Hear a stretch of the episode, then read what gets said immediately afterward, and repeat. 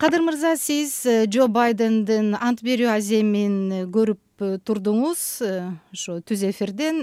Кандай таасир калтырды сизде? Биздин мисалы үчүн социалдык тармактардын колдонуучулары кыргызстандык кээ бирлери ушундай суктануу менен айтып жатышат да саясий маданият демократия деген түшүнүктөр мына ушундай иштейт деп. э, байден президент болушу э, абдан америка үчүн оор заманда келди.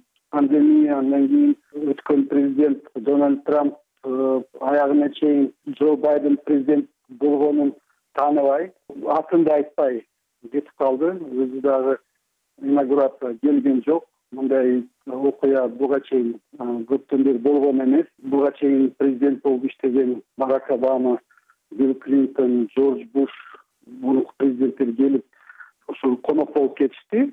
Бирок трамп келбегени негизи ушул америкада азыркы кезде саясий системасын канчалык кыйын күндөрдү кыйын айларды кечирип жатканын көрдүк.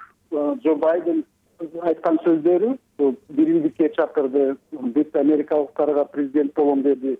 Ушул америка азыркы болгон кыйынчылыктарды өтө алат. Ушул буга чейин саясий системасын пайдубалын күчтөндүрөбүз деп убада берди. Бул инаугурацияга чейин болгон окуялар эки жума мурун болгон окуялар америка канчалык зор кыйынчылыктарга туш болуп турганын көрүп жатабыз. Джо байдендин президент болушу абдан бир чоң бир тарыхый мааниси бар тарыхый миссиясы бар. Ошол американы америкага биримдик алып келиш керек. Американы ушул трамп артта калтырган төрт жылды. Унутпаса деле ошол буга чейин болгон мындай оор нерселерди аттап кетиш керек да. Кадыр мырза анан кийин бул ички маселелерди айтып жатасыз. Ошол элди бириктирүү деп ошондой американын өзүнүн ички бир маселелери бар албетте. Бирок дүйнө ушу эл аралык алкактан алганда байдендин бийликке келиши кандай өзгөрүүлөрдү алып келет дейсиз? Дүйнөгө анын ичинде борбор азияга балким кыргызстанга? Джо байдендин президент болуп келиши ушул американын өнөктөштөрүнө абдан чоң жакшы бир кабар. Себеби буга чейин трамп келип эле мурунку американын достору менен партнерлору менен урушуп талашып эле дагы көбүрөөк ушул авторитардык өлкөлөргө жакыныраак болуп жүргөн. Бүгүн карасам ошо европа биримдиктин лидерлери джо байден келиши европа менен американын ортосунда болгон достукту кайрадан бекемдей алабыз деп жакшырбай эле сүйүнүп жатышат менин оюмча джо байдендин келиши ушул кандайдыр стабилдүүлүк алып келет. Борбор азияга болгон э, тышкы саясатын карасак э, менин оюмча чоң бир өзгөрүүлөр болбойт. Себеби э, американын борбор азияга болгон тышкы саясаты стабилдүүлүү болуп жүргөн.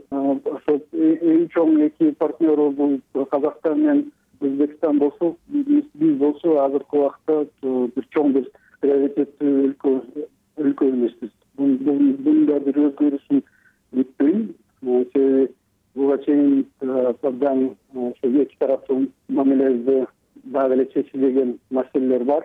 Азыр кыргызстанда шайланган президентибиз жаңы келе турган өкмөт ушул маселелерди чечилбеген буга чейин чечилбеген маселелерди чече алса анда алда кайдыр жүрүш болот. Байден администрациясы демократия партиясынан болгон өкүлдөрү болгон үчүн адам укуктарына ошо демократия маселесине көбүрөөк көңүл бурат деп ойлойм. Ошол эле юсаид америка эмнен жардам берген организацияга саманта пауэрс келе турган болду. Саманта пауэрс мурун американын оондо өкүлү болуп иштеген элчиси болуп иштеген нью йоркто. Ал ар дайым ушул демократия жана адам укуктарына көп көңүл буруп турган. Мен дагы ойлойм ушул эгер борбор азияда болгон жардам программасында кыргызстанга болгон жардамда дагы демократия жана адам укуктары маселеси абдан чоң маанилүү маселе болот анан э, байдендин президент катары э, бир катар жаңы буйруктарга токтомдорго кол кол коеру айтылган анан өткөл командасы. Анын ичинде бир катар мамлекеттерге э, арасында кыргызстан да бар виза чектөөсүн алуу буйругу болот деп айтылды. Бул жагынан кыргызстан үчүн бул бир жакшы кадам албетте. Кандай дейсиз?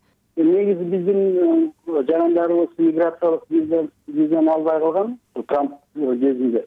Азыр ушул чектөөлөр алынганы биздин ушу америкага көчүп баралы барабыз деген жарандар үчүн жакшы кабар. Ошол эле кезде бул маселе чечиле турган болуп турган. Себеби ушул биометрикалык паспорттарды жакында бере баштайбыз дебеди биздин өкмөт ошон үчүн менин оюмча негизи эле джо байдендин биринчи чечимдери биринчи кадамдары.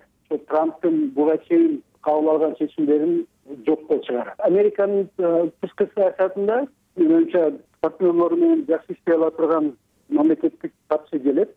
Энтони блинкин ушул азыр каралып жатат сенатта энтони блинкин негизи борбор азияны жана кыргызстанды жакшы билген адам. Мен ойлойм ушул өзү борбор азиянын маселелери каралып жатканда өзү кийлишип ушул маселеге борбор азия менен американын ортосуна карым катнаштар кандай өнүктүктүү болот. Ал маселелерге өзү көңүл бурат